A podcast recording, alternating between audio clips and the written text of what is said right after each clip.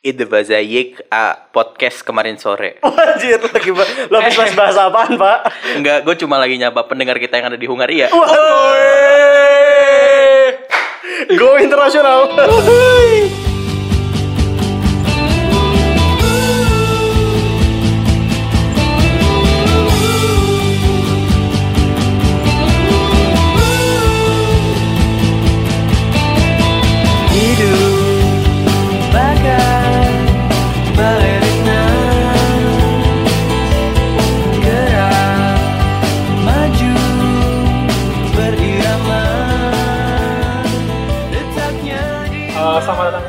Podcast kemarin sore. Hari ini ada gue Assalamualaikum warahmatullahi wabarakatuh. Anda bertemu dengan orang PKS.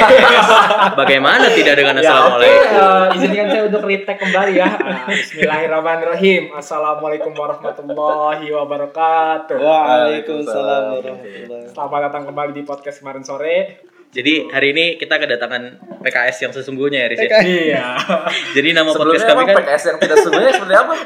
nama podcast kami kan podcast kemarin sore Kak. Oh iya betul juga ya. Benar. Asik banget lah. Podcast kemarin sore. Iya benar ya. Sengaja Kang karena ya sebagaimana Kang sebagai eh, kader PKS tahu lah PKS kan gampang buat naik nama ya Kang ya. Nyinggung-nyinggung PKS naik nama di mana saja. Oke ya. Jadi kita, kita- sudah kedatangan Tamu salah satu caleg DPR RI juga dan kebetulan ini dapilnya Jabar 1. Wah, Ya. kota. Kota berarti. Kota Bandung dan Kota Cimahi. Nah, mungkin langsung aja eh, boleh Akang memperkenalkan diri. Halo, assalamualaikum warahmatullahi wabarakatuh. Waalaikumsalam warahmatullahi Nama wabarakatuh. saya Randy Arman Syah Putra. Bisa dipanggil Randy, Kang Ren, Kang Randy. Boleh lah itu. Banyak ya. Banyak. Fleksibel. Saya lagi S2 di ITB, ngambil jurusan hidrogeologi atau teknik air tanah. S1-nya geologi Unpad. Dari TK sampai SMA di Bandung. Wah. Lahir juga di ya, Bandung. murni ya. Tinggal juga sekarang masih Darahnya mu- nggak murni sih. Oh, darahnya murni tapi. Darah murni udah kayak Harry Potter aja. Kira itu. Darah murni. Dan dengan serigala. Eh, Kang Randy ini nyalek dari Partai Keadilan Sejahtera nomor berapa Kang? Eh, partainya nomor 8, saya nomor urut 7 di PKS. mantap, mantap, Di mantap. PKS. Ah, pertanyaan pertama aja ya Bapak ya. Ya, mungkin ini eh, kan seperti yang kita ketahui sampai saat ini kalau bagi saya ya, kalau bagi gua nih PKS itu salah satu yang programnya lebih lebih apa ya, lebih mencapai banyak orang ya. Ada pertama tuh ada Lebih mencapai banyak orang atau lebih tahu banyak orang? orang banyak Beda. Enggak maksudnya dong. adalah eh, bisa mengincar banyak segmenta- segmentasi Iya. sebetulnya kayak gitu. Ada apa? SIM seumur hidup, lalu juga ada apa pajak kendaraan bermotor akan dihapuskan. Ya. Dan juga berbagai eh, program unggulan nih yang eh, sebagai narasi utama dari PKS sendiri Itu yang dikampanyekan. yang dikampanyekan. Ah, Nah, itu yang umumnya gitu, yang mungkin dibawa juga ya Kang ya semua caleg ya Kang. Iya. Gitu. Nah, pertanyaan pertama sih kalau dari saya pribadi pengen nanya nih tentang ini Kang. Eh, SIM seumur hidup ini nantinya implementasinya akan seperti apa gitu. Dan kenapa harus SIM seumur hidup mungkin kayak gitu yang diangkat. Jadi eh, saya ingin jelaskan dulu pertama bahwa dulu kampanye-kampanye partai politik itu isinya adalah jualannya jualan slogan. Slogan. Oh, Misalnya pilih kami bersih, peduli, profesional gitu atau kami merakyat dan segala macam. Tolak korupsi Kang. Oh, tolong korupsi. Kami Katakan muda gitu. Oh ya katakan tidak benar. Misalnya muda, emang terus kenapa kalau lo muda gitu? Kenapa kalau kamu muda ngapain emang gitu kan? Oleh karena itu kita sekarang membuat namanya kampanye gagasan, adu gagasan, adu ide. Ini yang baru. Makanya PKS kemudian mengeluarkan beberapa gagasan atau ide yang dimunculkan kepada masyarakat. PKS 8 kan? Ya. P-nya itu yang Pemuliaan pertama ulama. perlindungan ulama dan tokoh-tokoh keagamaan lainnya. Jadi bukan hanya ulama, tapi tokoh agama dari agama lain juga kita lindungi. Karena bagaimanapun negara kita ini asasnya adalah ketuhanan yang Maha Esa. Artinya semua simbol-simbol agama itu yang diakui harus kita lindungi. Jangan sampai akhirnya eh, justru terjadi perpecahan karena ya tidak menghormati satu sama lain. Misalnya dulu pernah waktu kecil SD misalnya saling menghina orang tua pernah nggak? Ah, lo orang tuanya sebut nama gitu. Ya, Iya, iya, iya. Apa yang kira-kira terjadi? Yang ngehina balik benar nggak? Iya. Berantem akhirnya kan? Nah itu yang kita khawatirkan. Ada orang-orang yang misalnya ingin melakukan perpecahan dengan menghina simbol-simbol agama, baik agama Islam atau agama lain gitu. Itu yang kita lindungi supaya tidak terjadi perpecahan. Itu P yang pertama. Yang kedua K. K itu kendaraan bermotor. Kendaraan bermotornya apa? Dihapuskan pajak kendaraan motor dengan cc kecil di bawah 150 cc. Jadi kalau pemerintah hari ini memberikan eh, apa keringanan untuk orang-orang kaya dengan adanya tax amnesty, pengampunan pajak, kemudian eh, pajak barang mewah dihapuskan dan semua keunggulan-keunggulan lain, kemudahan-kemudahan, keringanan lain untuk orang-orang kaya, maka PKS ingin memberikan keringanan untuk orang dengan ekonomi menengah ke bawah. Dan motor ini adalah salah satu transportasi yang dimiliki oleh ekonomi kalangan menengah ke bawah begitu. Makanya kita sasarannya 150 cc ke bawah. Kalau yang ke atas itu biasanya dimiliki orang-orang yang kaya begitu. Jadi kita ingin ada keadilan di situ. Ternyata apa? Sim sorry. Yang nah kalau yang SIM Yang kedua S, yang ketiga S-nya PKS. Nah, S-nya SIM seumur hidup. Jadi selama ini kita perpanjang SIM itu bukan bukan untuk melatih skill lagi, untuk ngecek skill lagi, enggak. Tapi hanya sekedar administrasi.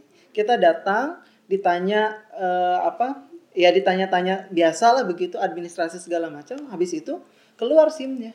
Dan itu kan kalau bagi kita yang banyak eh, diem atau nggak ada kegiatan kan bisa-bisa aja. Oh jam 8 berangkat ke Samsat atau ke Polres jam 9, jam 10. Tapi kalau orang yang kerja, orang yang kantoran, orang yang buruh begitu, yang dari jam 8 sampai jam 4 sore itu dia di di kantor, dia nggak punya waktu. Hari Minggu juga libur begitu kan? Dia libur, tempat simnya juga libur. Dia ngantor, tempat simnya juga ngantor. Dia pulang, tempat simnya juga udah bubar gitu. Makanya kita ingin memudahkan masyarakat supaya nggak perlu diperpanjang. Kayak KTP. KTP kan sekarang sudah berlaku seumur hidup begitu. Yang ketiga delapan. Delapan itu bagi eh, masyarakat atau orang-orang yang bekerja dengan penghasilan sampai 8 juta itu tidak kena pajak penghasilan. Begitu. Kita mau fokus di SIM dulu. Iya, Oh, itu. bebas. Oke, ya tadi balik lagi sih Kang. Eh, tapi saya udah nangkep sih eh, kenapa SIM seumur hidup yang dipilih karena tadi untuk eh, yang saya bayangin itu adalah kita eh, biar efisien juga ke depan jadi tidak akan buang waktu terus juga eh, masyarakat jadi tidak perlu cuti gitu ya mungkin ya tidak mungkin ada yang bolos juga kan ya Kang ya Betul. kalau untuk yang pekerja karyawan atau mungkin yang kalau mahasiswa nih kayak kita dulu ya mungkin agak susah untuk eh, apa untuk perpanjang itu karena oh KTP saya di tempat asal saya gitu. Cukup jauh untuk apa perpanjang SIM kayak gitu.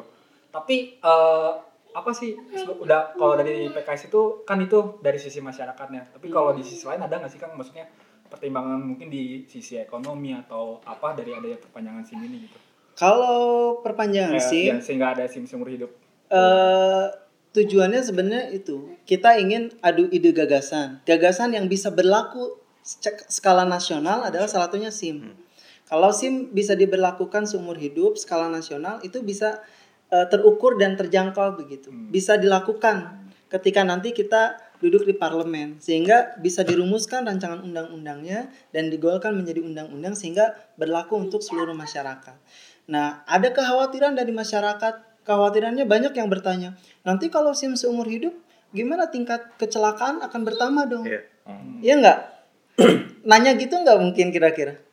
Iya, pertanyaannya gini, kalau kita setiap hari naik motor, semakin sering naik motor, keahliannya semakin bagus atau semakin berkurang?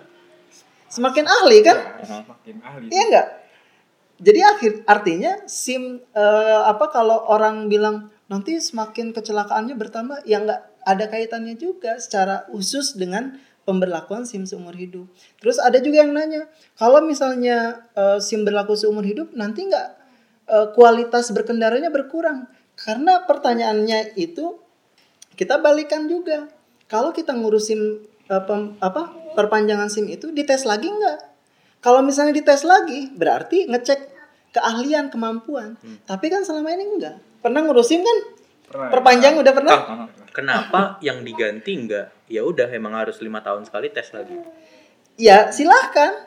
Tapi itu kan akan semakin membuat ribet, mem- membuat Karena eh, menurut saya gini Kang, kalau misalnya anggaplah analoginya dokter ya.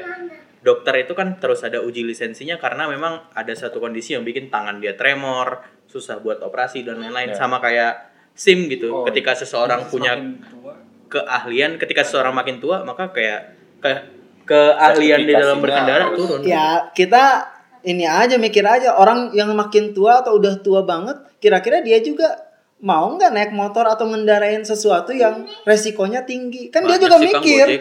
Ya makanya dia juga dia juga berpikir kan, oh saya ini udah tua nggak bisa ngendarain, artinya akhirnya dia nggak mengendarakan mengendarai itu begitu. Tapi poinnya adalah kita ingin meringankan beban masyarakat.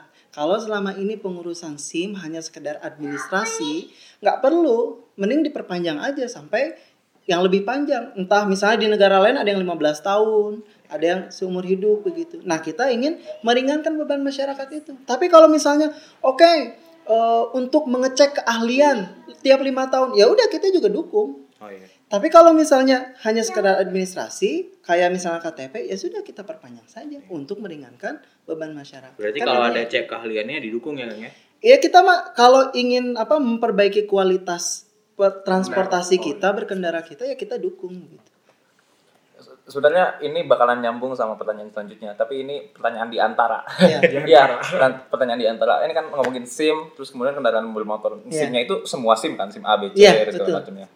Ini eh, sebenarnya ada kaitannya sama eh, pertanyaan soal eh, pertanyaan apa pajak kendaraan bermotor gitu ya. Kan Indonesia ini kan udah terlalu banyak kendaraan bermotornya ya Kang ya. Setuju gak Akang kalau Hmm. Kayak gitu? Nah, eh, banyak yang kemudian punya asumsi bahwa eh, berarti PKS itu tidak punya eh, kecender apa concern terhadap lingkungan atau concern terhadap kualitas hidup yang baik karena kemudian yang didorong adalah ya udah kita kemudian punya kendaraan bermotor semuanya gitu dengan dengan adanya dengan dipermudah SIM terus kemudian- dengan dipermudah pajak untuk kendaraan bermotornya menurut Akang gimana? Ada 100 kurang lebih 103 juta kendaraan bermotor sepeda motor di Indonesia. Mhm. 103 juta. Di Jawa Barat itu sekitar 13 juta. Nah, banyak orang yang bertanya begini, kalau misalnya pajak eh, dihapuskan kendaraan pajak kendaraan bermotor itu dihapuskan, apakah akan menambah semakin banyak motor enggak? Ya, ada yang bertanya begitu. Ya. Logikanya begini. Eh, teman-teman punya motor misalnya. Iya. Pajaknya berapa kira-kira setahun? 75. Enggak, total 300 ribu atau 400 Oh, iya, ribuan lah ya, 300 setahun ya, yang harus dibayarkan dengan apa ya pajak STNK segala macam Oh lah. iya. 300 sampai 400 ribu. Nah kalau itu digratiskan, kira-kira teman-teman langsung beli motor lagi nggak? Wah karena gratis ya udah beli motor lagi semakin banyak motor. ya otaknya bisnis mungkin kan Hah? ya otaknya bisnis mungkin Nah ini karena kita menyasarnya adalah ekonomi menengah ke bawah, mereka nggak akan berpikir demikian. Kalau 150 cc ke bawah tuh apa sih? Ya itu motor-motor biasa yang motor buat bebek. Bukan mobil bebek. ya? Kalau mobil ada nggak yang 150 cc ke bawah? Mobil nggak ada. Saya bukan anak otomotif ini. maaf, maaf. Mobil itu 1000 cc. 1000 cc ke Anda atas. ya? bukan anak otomotif tapi Anda anak S1. Maaf, Mobil-mobil. Cina, Wuling, tidak ada yang 150 Iya, iya, cc. Motor 100. Nah ini pengen lanjut Kang. Nah em, ini kan berarti apa pertanyaan selanjutnya kan em, pajak itu kan untuk pendapatan negara Oke. ya. Pajak kan untuk pendapatan Sudah negara. hafal. Ini template. Ke mana-mana ditanya yang sama. Sudah siap. Matematikanya gimana Kang? Jadi gini, Matematikanya gimana? eh, untuk pajak kendaraan bermotor itu masuknya ke kas provinsi, Ya, Provinsi. APBD provinsi. Jadi tidak akan mempengaruhi APBN, Hmm. tidak akan mempengaruhi APBD kota atau kabupaten. Nah, provinsi ini kewenangannya tengah-tengah. Dia tuh apa? Transisi anggarannya besar tapi kewenangannya eh, nggak sebanyak nggak seintens dengan kota atau yang lebih eh, luas jangkauannya yaitu pusat begitu sehingga ak- akhirnya apa anggarannya banyak tapi anggaran untuk belanjanya untuk mengalokasikan pengeluaran Serapan anggarannya. serapan anggarannya dia bingung Hmm. nggak terlalu banyak karena kalau untuk yang kota kabupaten dia jelas untuk biaya eh, di tingkat kota kabupaten sementara provinsi ini di pertengahan begitu. Nah kita pernah ngitung ada anggota DPRD provinsi Jawa Barat dia eh, bawa anggaran provinsi Jawa Barat di tahun 2018 ini hitungannya kurang lebih lah ya. Saya juga lupa eh, persisnya berapa. APBD Provinsi Jawa Barat itu kurang lebih 21 eh, triliun. 21 triliun. Satu tahun tuh Kang. Satu tahun. Satu tahun. 21 triliun. Jadi Provinsi Jawa Barat salah satu provinsi yang bisa mandiri. Hmm. Jadi dia bisa menghidupi eh, provinsinya dengan keuangan hasil dari keuangannya pribadi begitu. Mhm. Kan kalau provinsi lain Ada ada, bantuan, bantuan. dari pemerintah pusat gitu. 21 triliun. Eh, pemasukan dari kendaraan bermotor itu, pajak kendaraan bermotor, sepeda motor yang kurang lebih 13 juta kendaraan bermotor itu sekitar 3 atau 4 triliun. 7% kalau nggak salah datanya. Kang. 3 sampai 4 triliun dari 21. Eh, di Tirto itu rata-rata ada rata-rata nasional Oke. sumbangsinya itu 7%. Nah, kita coba ambil contoh yang Jawa Barat karena Iya, provinsi Oke. terbesar ya, Hmm. begitu. Misalnya eh, tiga tiga triliun atau 4 triliun, kita ambil tiga lah ya, 3 triliun. 3 triliun berarti 30 persen lah ya. Kalau 3 triliun Berapa? 3 per 21 15. sekitar 13 13 persen. Oke lah. Pokoknya 3 triliun. itu besar loh. Besar kan? Besar. oh, besar bener nih. Betul, betul. Iya kan Ya, besar, besar ya? Banget, besar banget. Nah, kemudian kita cek anggaran belanja dari pemerintah provinsi Jawa Barat apa aja. Anggaran pegawai, belanja pegawai, belanja ini, belanja itu. Semuanya aman. Karena apa? Ada belanja salah satunya adalah hibah. Iya. Hibah itu boleh diberikan ke siapa saja. Ya. Betul. Benar? Dan itu totalnya adalah kurang lebih 9 triliun. 9 triliun itu hibah. 9 triliun. Anda tahu karena pernah dapat hibah ya kayaknya ya? Anda tahu karena pernah dapat hibah kayaknya? Iya. Saya tahu hibah itu digunakan untuk apa. Ah, ya. Ya, jadi belanja pegawai nggak terpengaruh, bantuan untuk eh, kota kabupaten nggak terpengaruh, hibah yang terpengaruh. Dan hibah ini bisa diberikan ke siapa saja. Anggap saja 3 triliun hibah itu diberikan kepada seluruh masyarakat Jawa Barat yang memiliki sepeda motor. Untuk Jadi ya. tidak akan mempengaruhi kas APBD dalam eh, konteks yang mempengaruhi jadi kacau begitu. Itu kan kalau ngambil Jawa Barat ya Kang ya. Ya. Jawa Barat. Sementara data dari Tirto juga nih Mm-mm. untuk Jawa Tengah dan Jawa Timur si pajak kendaraan bermotor dan bea balik nama STNK ini jadi satu, satu pemasukan utama. Betul. Kalau ini dihilangkan eksesnya berarti lebih dari 30% yang tadi. Terus kalau akan ngomong dana hibah ini untuk masyarakat misalnya, ya memang kan selama ini untuk masyarakat tapi dalam bentuk yang misalnya kalau di Bandung Transmetro Transmetro Bandung Transmetro Bandung itu kan hibah dari provinsi. Hmm. Terus ada pembangunan halte dan lain-lain itu juga hibah dari provinsi. Pembentukan taman yang ada di Jalan Proklamator itu juga hibah dari provinsi. Kenapa hibah yang seperti itu tidak digunakan buat yang pasti nih Kang?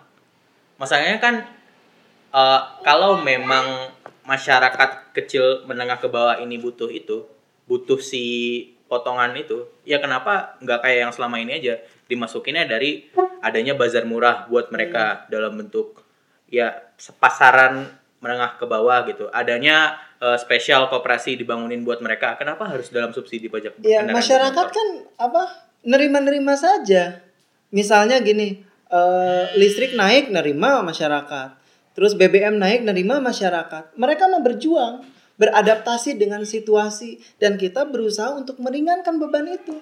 Udah mah listrik mahal, BBM mahal, kemudian kita coba ringankan dengan pengurangan pajak sepeda motor itu. Yang misalnya kalau dihitung satu tahunnya 400 ribu rupiah, kalau lima tahun kan bisa sampai 2 juta. Dan ini membantu meringankan mereka untuk apa eh, mengurangi biaya eh, pajak itu begitu. Ini kalau mau coba dibentrokin dikit ya, Fe. Coba, Boleh. bentrokin, bentrokin. salah satu alasan kenapa subsidi BBM dicabut adalah karena pengguna BBM itu eh, lebih dari 50% justru menengah ke atas, Kang. Entah itu dimasukin mobil atau Oke. enggak ya.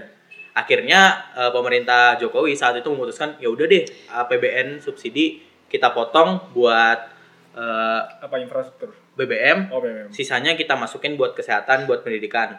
Hal itu kan berarti membuktikan yang berlawanan gitu, Kang. Ya itu juga debatable. Iya sama, makanya sama-sama dibenturkan kan Enggak, gitu. eh, apa? Misalnya BBM dinaikkan karena eh, konsumsi eh, konsumsinya 50% dinikmati oleh orang-orang kaya. Ya enggak begitu juga. Padahal waktu itu BBM tiba-tiba naik itu dikala harga minyak dunia itu turun.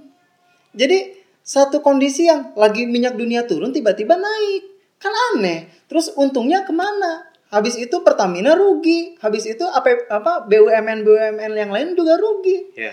Jadi penghematan-penghematan yang dibilang itu kan akhirnya jadi bebannya kepada masyarakat. Misalnya listrik dinaikkan, BBM dinaikkan, masyarakat yang kena bebannya. Nah, kita mah berusaha untuk meringankan beban itu. Jadi bukan berbicara tentang ini eh, untuk masyarakat eh, apa yang pakai motor, ini masyarakat yang yang pakai mobil. Yang jelas kendaraan bermotor itu di- di- dimiliki may- mayoritas oleh kalangan menengah ke bawah. Jadi kita ingin meringankan beban mereka itu dengan penghapusan pajak sepeda motor itu. Jadi argumennya itu lebih tepat sasaran gitu kan. Ya, lebih meringankan beban mereka. Dibanding menggunakan subsidi ke pendidikan dan lain-lain. Iya. segala macam. Ya kalau pendidikan fasilitas mas selalu selalu harus ditingkatkan begitu. Tapi maksud saya gitu, karena kas AP, kas negara yang masuk itu kan ke provinsi, bukan ke Hmm, APBN. Sedangkan APBN itu kan tadi untuk pendidikan bisa lebih support, untuk apa? Untuk kesehatan bisa lebih support. Sementara tadi kas APBD provinsi itu ya suka-suka digunakan hibahnya untuk taman, untuk apa? Taman itu dinikmati oleh siapa? Terus ya tadilah eh, apa eh, hibah-hibah yang yang kita sendiri ini manfaat atau enggak ya? Makanya kita mah ingin motong itu aja. Misalnya eh, hibahnya 9 triliun, kita potong 3 triliunnya untuk masyarakat Jawa Barat supaya menikmati bahwa mereka mendapat keringanan dengan apa penghapusan pajak kendaraan bermotor, sepeda motor. Lanjut ya pertanyaan selanjutnya. Jadi ini nyambung ke yang 8, 8 juta ya. Nyambung ke yang 8 juta. Nah, em, ini masih ngomongin soal duit berarti. Ini kan kalau yang 8 juta berarti ke APBN ya. Betul. Nah, kalau misalkan eh pengen ditanyain lagi deh, matematikanya gimana, Kang? Matematikanya gimana? Nah, kalau yang eh, 8 juta memang sebetulnya eh matematikanya saya belum belum begitu baca tentang yang 8 juta itu. Tapi yang jelas kita juga ingin tetap meringankan beban masyarakat yang berpenghasilan 8 juta ke bawah. Mhm. Jadi eh, kan kalau misalnya kita tahu UMR apa Jawa Barat misalnya hanya berapa? 3,4 ya. Ya ya? segitulah. Itu rata-rata ya. 2,8. Oh, Jawa Barat ya? Eh kalau kita hitung-hitung misalnya dengan penghasilan eh, sekitar 7 juta, 8 juta. Itu kan eh, pengeluarannya juga lebih besar. Mhm. Dan dan kalau kita misalnya bisa membebaskan mereka dengan dengan apa? tidak mendapat tidak kena pajak penghasilan itu jauh bisa meringankan eh, beban masyarakat. Jadi intinya begini, di tengah-tengah masyarakat ini kan ada beban ekonomi yang begitu besar lapangan ke- pekerjaan eh, susah untuk didapatkan. Kalaupun dapat penghasilannya nggak seberapa, maka kita ingin berusaha meringankan beban mereka itu tadi dengan program-program yang sebetulnya sasarannya sebetulnya ekonomi begitu. Dengan penghapusan pajak motor, salah satu kemudian pajak eh, tidak kena Iya, pajak balik dengan eh, penghasilan 8 juta. Hitung-hitungan kasarnya kan berarti memang sebenarnya cukup banyak yang ada di yang ada di yang ada di antara garis di antara garis delapan kemiskinan Iya. ke 8 juta itu kan cukup banyak kan. Maksudnya em, kalau kita nih mungkin baru keluar kampus ya range gajinya segitu gitu loh. Nah itu kemudian eh, kalau kalau kita em, asumsikan semua yang baru keluar kampus itu gajinya segitu itu kan cukup banyak. Eh, antara umur 20 sampai 25 misalkan. Itu kan cukup banyak. Eh bonus apa em, akan berpengaruh sangat nggak sih ke APBN gitu? Dan Eh, mm, mm. gimana apa solusi solusi kemudian untuk nambal itunya gimana? Jadi kalau misalnya kita dengar juga dalam debat-debat capres termasuk itu kan APBN kita itu sebetulnya bisa banyak. Tapi banyak yang lari ke luar negeri. Sumber daya alam kita kaya tapi larinya ke luar negeri. Kita hanya bisa mengolah bahan-bahan mentah saja. Kemudian bukan diolah malah. Kita bisa ngambil bahan mentah kemudian diekspor. Bahan jadinya kita terima lagi. Kang, Ah, ini mau nanya agak gak nyambung sih. mm-mm. Kalimat yang tadi itu emang diajarin di seluruh kader PKS apa gimana? Soalnya sama Iya, iya. semua Kang, Sama serius. semua. Saya punya teman yang kader Ya, dari iya. yang tarbiyah sampai itu ngomongnya kayak gitu semua. Iya kan? Out of curiosity aja itu Eh, diajarin. iya, ke gue. enggak enggak juga karena kita ya orang yang yang biasa juga diskusi kalau kalau tahu permasalahan bisa ngerti begitu. Misalnya tambang emas di di apa di Papua kan kita cuma dapat royalti berapa persen. Walaupun sekarang misalnya bahasanya sudah dibeli 51. eh, divestasi sahamnya 51 persen dan itu juga oh masih banyak permasalahan lah begitu. Ya nggak usah ngobrolin itu Kang. Oke. Jauh jauh Kang. Iya. Jadi Baik, gimana? sebetulnya kita masih bisa menutupi eh, pendapatan-pendapatan negara itu dengan banyak sektor. Dengan pengurangan-pengurangan pajak untuk masyarakat yang kecil saja sebetulnya sudah sudah tidak ada masalah. Jadi kembalikan itu semua hak-hak eh, bangsa Indonesia yang harusnya dia peroleh dengan APBN APBN dari semua sektor itu, kemudian kita ringankan beban masyarakat. Jadi nggak- ada masalah sebetulnya Masalahnya adalah kebocoran APBN itu yang harta kita, kekayaan kita itu lari ke luar negeri atau ke tempat-tempat yang bukan ke bangsa sendiri begitu. Mau nanya Kang, secara keseluruhan si PKS dan 8 ini ini sebenarnya cuma narasi singkat buat dapat suara di saat yang tepat atau ada ada ada ada perumusan yang sebenarnya panjang ke belakangnya.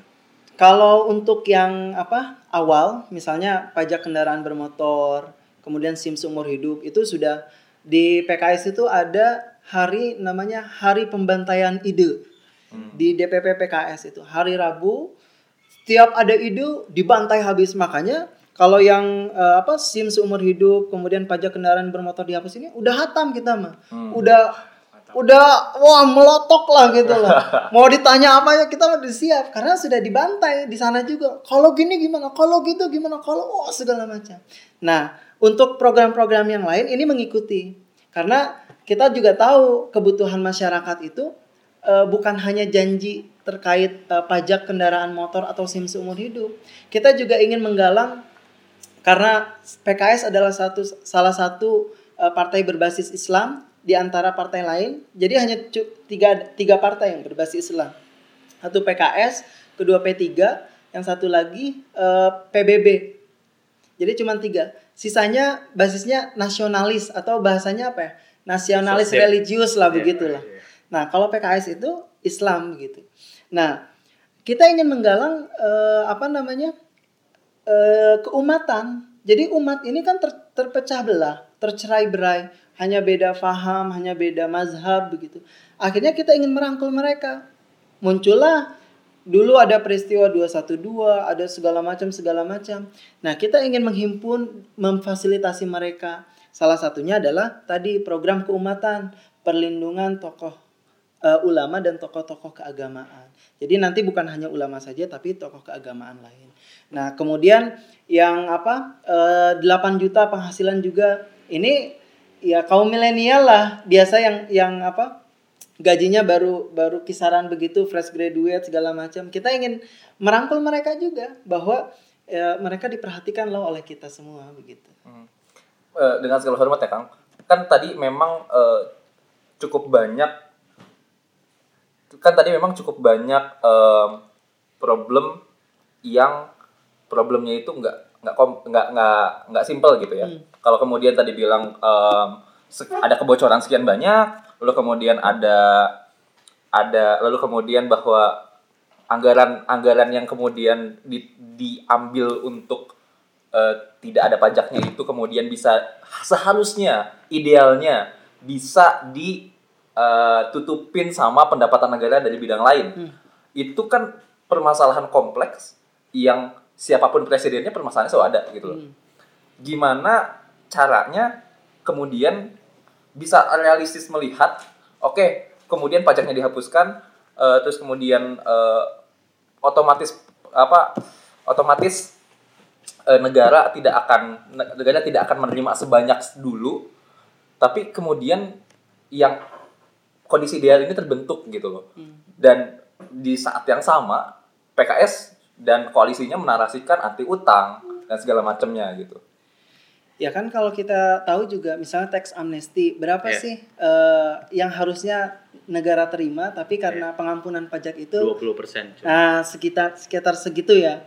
Nah, ini juga kan tidak tiba-tiba membuat ne- pendapatan negara jadi wah kacau balau begitu enggak kan begitu jadi sebetulnya masih banyak potensi-potensi pendapatan negara yang kalau kita maksimalkan bisa meringankan beban-beban masyarakat di di apa khususnya kalangan menengah ke bawah itu begitu. Jadi eh, inti dari eh, apa program-program PKS ini kita ingin memberikan tadi kemudahan keringanan untuk masyarakat begitu. Itu untuk yang skala nasional tapi untuk skala personal tiap caleg juga masing-masing punya punya kekhasan sendiri begitu. Kang, BTW ini perkenalkan Ya, halo. Nih. Saya Praga Kang mohon maaf baru datang. Ini tuan Ini rumah orangnya, padahal. ya, orang yang mengajak mana caleg PKS ini? ini dia orangnya yang mempertanyakan kita harus ketemu orang PKS.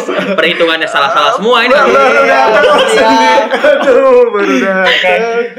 Karena kita udah banyak ngomongin soal apa narasi umumnya partai nih. Sekarang ini bagian Kang Reni nih. oke Apa sih kalau dari Kang Reni sendiri program khususnya gitu yang membedakan untuk menjual nama Kang Reni sendiri gitu? Kan dari 1 sampai 7 tuh PKS semua, Kang. Ya. Nah, Nah, kenapa harus Kang Randy? Kenapa tidak Ibu Ledia? kenapa tidak Bapak Irfan? saya eh, caleg paling muda di PKS oh iya umur berapa? Satu satu satu PKS Kang, satu PKS Indonesia. Enggak. Oh, Di di Dapil. Dapil. Iya, Oh, Dapil oke. ini. sekarang eh, 31 Maret kemarin 28 sekarang. Ah, Oh, baru dong. baru. Milenial ya, masih milenial. Emang ada surprise habis ini ya? begitu. Jadi eh, apa? Saya paling muda di di caleg PKS dapil Kota Bandung dan Kota Cimahi. Eh, ada tiga yang saya tawarkan program kampanye yang saya tawarkan kepada teman-teman semua saya relawannya namanya teman Randy jadi kalau teman-teman udah jadi teman saya karena kenal jadi relawan saya Seperti nama band ya. Nama fans band Sahabat Noah. Mantap, Ren. Teman Randy. jadi Mantap, mantap. enak begitu kalau ketemu teman wah teman Randy ya. Nah, Jadi si teman Randy ini ngapain, Kang? ada tiga program yang saya tawarkan khususnya kepada teman Randy dan umumnya kepada semua khususnya eh, kaum milenial begitu. Yang pertama adalah PKS jodoh kamu. Wah, apa tuh? Wadidaw. Pusat konsul Dani nih mencari jodoh. Masuk kayaknya jalan saya nih. PKS jodoh kamu itu singkatan. Pusat Konsultasi Jodoh dan Keluarga Muda. Hmm. Ini program daerah ya, Kang? Program saya, caleg. Oh, iya. Jadi kalaupun jadi saya programnya begitu. Eh, pusat konsultasi jodoh dan keluarga muda. Nah, masalah milenial itu atau misalnya generasi-generasi muda yang belum nikah itu kan jodoh. Iya, iya. Ditanya mana jodohnya? Eh, pulang ke rumah ditanya jodoh. Yang merantau kan begitu.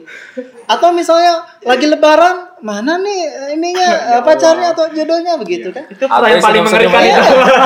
Aku senyum-senyum aja. Agak Aku- udah ada. Oh, aku udah ada. Apa-apa. nikahnya? Saya ngeliat kalian aja. Jangan jangan begitu. Jadi saya ingin menghilangkan keresahan generasi-generasi muda dengan konsultasi jodoh. Jadi silakan berkonsultasi. Nanti ada eh, teman Randy yang dia sudah lulusan S2 di di UK, dia punya apa? di bidang psikologi begitu. Bisa bisa sharing, bisa curhat tentang jodoh, entah masalah susah nyari jodoh atau pingin dicarikan jodoh nanti kita siapkan juga begitu. nggak ada masalah Oke, kan begitu. silakan mendaftar. Yang kedua apa, Kang? belum itu Oh, belum. jodoh Oh, yang Oh, iya. Keluarganya belum. keluarga Oh, iya, muda keluarga mudanya. masalah Ah, keluarga oke. muda jadi di Jawa Barat itu datanya adalah tingkat perceraian semakin meningkat dari tahun ke tahun. Dan ini permasalahan serius. Masalah utama dari perceraian itu ternyata apa? Karena Ekonomi. ekonomi, jadi generasi muda anak-anak milenial eh, mau nikah kan tahan-tahan aduh saya belum kerja aduh gimana nih buat eh, biaya pernikahan benar Emang nggak gitu ya? Iya. Iya nggak? Yang Terus- mikir benar, benar, nahan benar. jadi tidak nikah, yang tidak mikir nikah tapi cerai juga. Bener. Iya. iya kan Bener, bener banget ya. Saya sudah mendalami isu ini. iya, iya, iya, iya. Ya ya? Tidak. Oh, tidak. pilihannya sulit benar makanya kita bikin pusat konsultasi itu jadi silakan konsultasi lebih-lebih kalau misalnya bisa bisa kita beri masukan bahwa ternyata oh bisa loh ada loh contoh-contoh orang yang ternyata penghasilannya nggak seberapa tapi bisa langgeng gitu dengan dengan keberanian dengan wah pokoknya sudah komitmen di antara keduanya Eh, badai apa pun siap diarungi bersama begitu Mantap, mantap. Nah, permasalahan ekonomi ini kita selesaikan dengan apa? Namanya lapar milenial. Apa tuh lapar? Lapangan pekerjaan. Oh. Ah, Ini yang keduanya berarti. Yang kedua. Karena mau nanya nomor satunya kan. iya? Eh nomor satunya mau nanya dulu sedikit Boleh. sebelum masuk nomor dua Oke. ya. Iya kan sebelum masuk nomor dua. Ah, kan tadi konsultasi keluarga, Jodoh eh, dan keluarga dan muda. keluarga muda. Iya. Kan ah, apakah nanti membuka kemungkinan ataukah memang udah direncanakan ya? Adakah si konsultasi ini atau program magang ini itu bakal kerjasama sama gerakan yang mungkin kita kenal gerakan Indonesia tanpa pacaran? Agoy, I love you Agoy. Enggak, I love you Agoy. Enggak, soalnya bener, enggak bener kan salah satu yang dikulitin dari gerakan itu adalah kan mempercepat apa pernikahannya kadang-kadang tidak mempromosikan perekonomian gitu kan. Iya, Karena akan kan mengangkat itu kan. Betul. Berarti sepertinya saya lihat itu bisa match ditambah juga kan secara garis ideologi harusnya ini eh enggak tahu sih Ya, gimana kan. justru gini, kan selama ini PKS itu eh, berkutatnya di bidang itu ya, keagamaan, terus orang-orang yang misalnya mau menikah tanpa pacaran dan segala macam. Padahal orang yang pacaran juga butuh konsultasi, benar nggak? Betul, betul. Dia pacaran putus bunuh diri kan bahaya. betul. Makanya kita sediakan konsultasi ini bukan hanya untuk orang-orang yang sudah ngaji, sudah ini, bukan justru buat orang yang nggak ngaji, yang butuh konsultan, kita terima begitu. Jadi silakan sebanyak mungkin. Saya punya masalah, pacar saya begini, begini. konsultasi datang gitu. Walaupun kita belum siapkan. teman Randy datang aja. Ini jadi teman nanti. Jadi teman. Siapa tahu ditanya di Anda berapa lama jadi teman Randy? Aduh. Hari itu langsung jadi teman ya. Nambah Berarti ya, le- lebih general ya kan. Lebih general. Justru targetnya bukan orang-orang yang sudah ngaji, tapi orang-orang yang belum tersentuh dengan agama, belum tersentuh dengan pengajian, yang begitu-begitu. Karena miris juga begitu. Dia punya masalah eh, pacaran putus atau ditikung, wah ribet lah begitulah.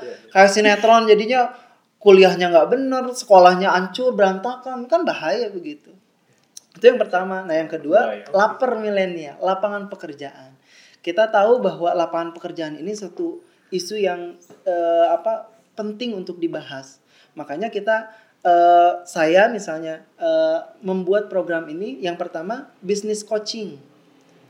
Jadi saya punya temen namanya juga teman Randy kan. Jadi punya banyak temen. Waduh, Enaknya gitu.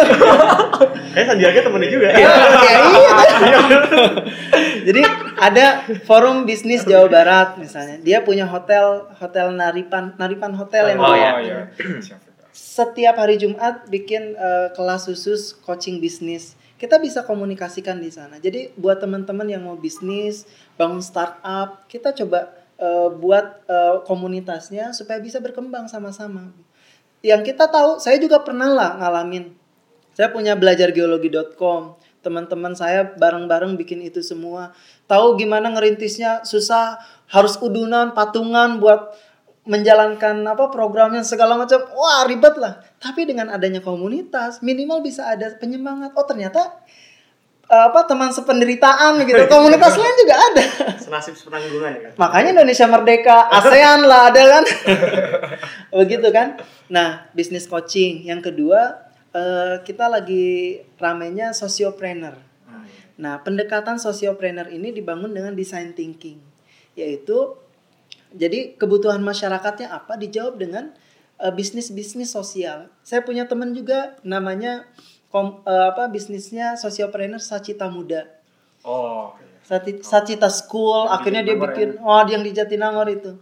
Beliau luar biasa, memberikan apa yang dibutuhkan oleh anak-anak sekolah, sepatu, seribu sepatu untuk anak sekolah.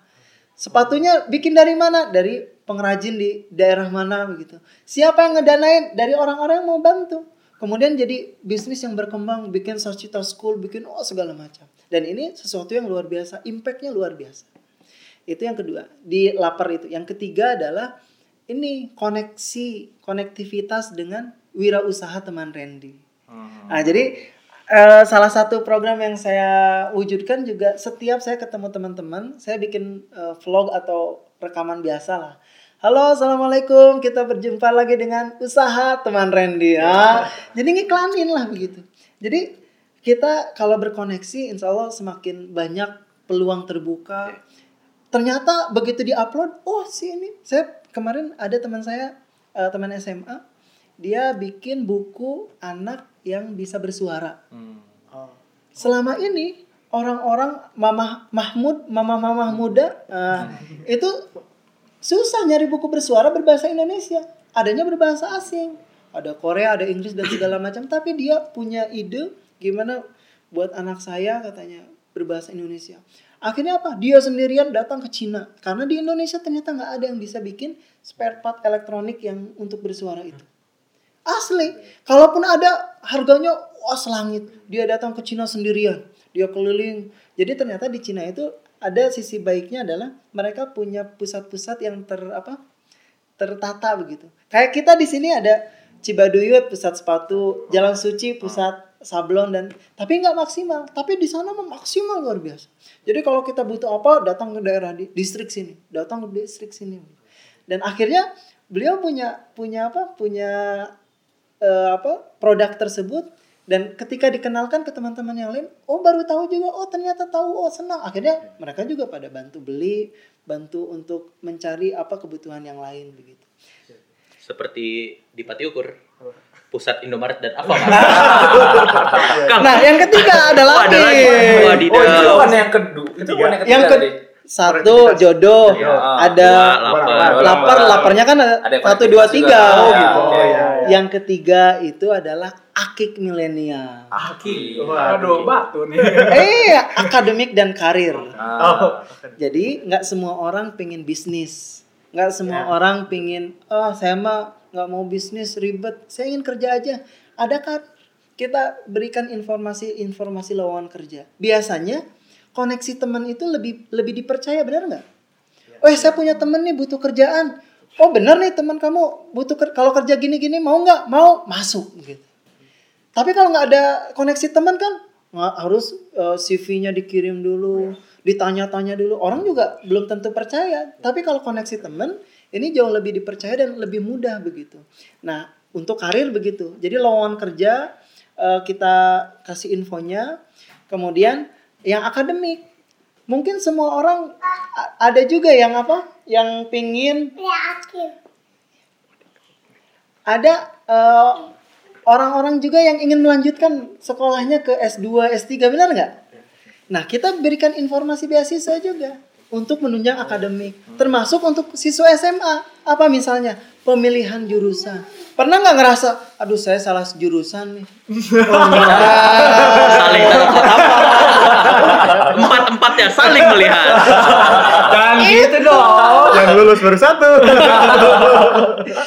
itu masalahnya. Jadi kita juga bikin pusat itu juga tempat konsultasi eh, mengenai pemilihan jurusan. Maunya apa sih? Minatnya apa sih begitu. Termasuk pengembangan potensi diri. Kamu misalnya cocok kerja di laut. Oh nggak gitu. kerja di darat. Tapi potensinya apa? Kita kembangkan bersama. Jadi akik milenial itu untuk karir, untuk akademik begitu. Kang mau nanya ini semua akan dioperasionalkan dengan dana aspirasi atau bukan Ini bisa dioper. Jadi gini, ini kan program kampanye. ya sebetulnya tanpa saya jadi caleg pun sebetulnya bisa dijalankan kan begitu. Tinggal butuh pendanaannya saja. Kalau ada orang bisa mendanai tanpa jadi caleg pun atau tanpa jadi anggota dewan pun tetap jalan gitu. Tapi kalau dengan anggota dewan ini bisa dengan dana aspirasi. Ya. Masyarakat atau kaum milenial yang jadi konstituen saya butuhnya itu. Ya sudah saya berikan. gitu. Oke, pertanyaan selanjutnya Kang. Ini kan mirip-mirip Sandiaga Uno ya, maju bawa banyak program. Tapi kan Sandiaga, Sandiaga Uno yang seterkenal itu aja banyak yang gagal. Nih Randy Ermansyah ini siapa Kang? Seterkenal apa bisa bikin program yang berbasiskan teman lagi dan koneksi? Boleh mungkin dikenalkan? Ya makanya itu. Saya dari TK, lahir, SD, SMP, SMA, kuliah, S1, S2 di Bandung semua. Hmm. Jadi teman-teman saya di Bandung, saya kemudian sekarang jadi ketua PKS Muda Jawa Barat. Saya juga pernah di Badan Eksekutif Mahasiswa. Kemudian teman-teman saya koneksinya banyak lah begitu. Tapi bukan berarti itu jadi saya populer popularitasnya lebih tinggi daripada artis, enggak juga. Iya. Nah, dengan koneksi itu sebetulnya saya ingin membangun itu minimal dari teman sendiri begitu. Kan kita bisa bantuin teman itu jauh lebih lebih apa? lebih terasa kebermanfaatan kita begitu. Nah, oleh karena itu gimana kalau misalnya jadi atau enggak nih jadi anggota dewan? ya ditentukan nanti 17 April. Makanya kalau buat teman-teman semua yang yakin dengan program-program Randy dan ingin diperjuangkan jangan lupa coblosannya Randy gitu.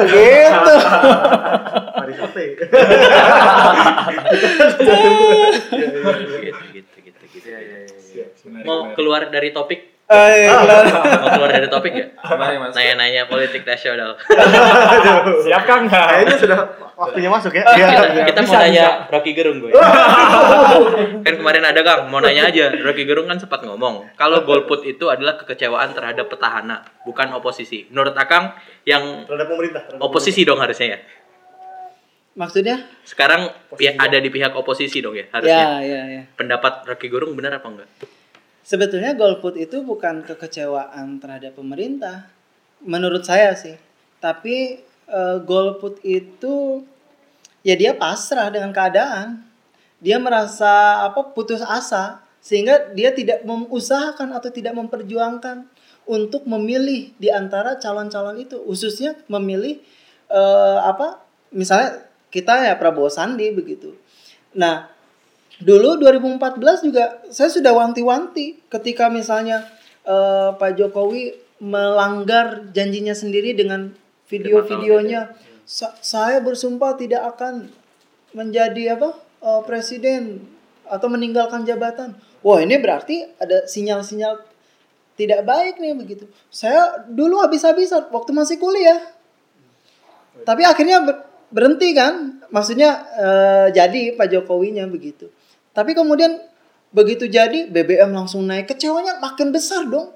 Ini baru naik udah ini BBM ini listrik. Kalau misalnya kita kecewa ada misalnya eh, apa pacar saya yang sekarang eh eh, sudah jadi is- ya, itu udah ngajakin saya mau pingin keluar negeri udah nggak mau hidup di Indonesia. Wah itu namanya putus asa kata saya. Harus berjuang dulu kata saya. Makanya saya berjuang aja ya caleg muda modal nggak ada jaringan seadanya. Berjuang dengan sekuat tenaga. Saya bilang berjuang. Mau menang atau nggak menang kita harus terus berjuang. Makanya kita perjuangkan bagaimana Prabowo Sandi itu bisa menang. Makanya saya wakafkan nama saya. Randy relawan Prabowo Sandi. Militan sekali. Ya. Sangat militan ini. Sebagai orang yang mau berjuang, boleh Kang dikasih closing statementnya. oke Udah Jadi- closing tuh. Closing statement pejuang. Iya, iya. Jadi buat teman-teman semua, hidup kita itu cuma sekali. Nih ya, hidup kita cuma sekali. Jadi sayang sekali kalau kita tidak memaksimalkan hidup kita menjadi manusia yang bermanfaat. Nah, oleh karena itu, manfaatkan waktu yang ada ini untuk menjadi manusia yang bermanfaat sebanyak mungkin. Kalau manfaatnya misalnya dengan bikin podcast begini, teman-teman merasa bermanfaat, kembangkan itu. Jangan tanggung-tanggung. Ah, saya mah bikin podcast biasa-biasa aja. Jangan yang biasa, harus yang luar biasa. Saya juga tadinya gitu. Ah, saya mah caleg yang biasa. Jangan yang biasa-biasa. Harus pikirannya tuh visinya menang gitu. Ini kalau misal teman-teman mau bikin apa? eh, nanti ke depannya mau jadi apa? Ini. Kita kalau nggak jadi presiden Gubernur. Amerika Serikat. Gimana Riz? Ya ini harus jadi yang terbaik. Kan kadang-kadang kita mau begitu. Ah, saya mah cukup lah jadi gini. Apalagi orang Sunda. Kiai kes uyuhan. Nggak boleh gitu. Harus jadi yang terbaik. Itu visinya. Jadi kalau teman-teman bikin podcast gini, dirasa bisa memberikan manfaat buat banyak orang, harus dikembangkan. Harus jadi yang yang terbaik di antara yang lain begitu. Jadi eh, apa eh, buat teman-teman semua jadilah yang terbaik kasih manfaat sebanyak mungkin sebanyak banyak manfaat. Saya Randy Armansyah Putra caleg PKS DPR RI Dapil Jawa Barat 1 Kota Bandung dan Kota Cimahi nomor urut 7 jadi buat teman-teman semua warga Kota Bandung warga Kota Cimahi jangan lupa 17 April nanti pilih Kang Randy. Nanti dibuka surat suara warna kuning lihat partai PKS baris kedua sebelah kanan cari nomor urut 7 Randy Ermansyah Putra ST Kang, begitu. terakhir Kalau ada yang mau milih Kang Randy tapi tetap mau presidennya Jokowi gimana? Enggak ada masalah. Itu aja. podcast kemarin sore. Bagusnya sih Prabowo Sandi. Itu aja podcast kemarin sore episode eh, izin kampanye Izin dua. kampanye dua. Dengan Kang Randy dua. Armansyah. Eh, Terima kasih banyak buat Kang Randy. Terima kasih yang banyak. semoga Iya, ada sama-sama. lagi yang mau datang. Iya. Kita tunggu siapa yang ketiga. iya. Iya, betul. Terima kasih itu aja teman-teman. Sampai jumpa di episode berikutnya.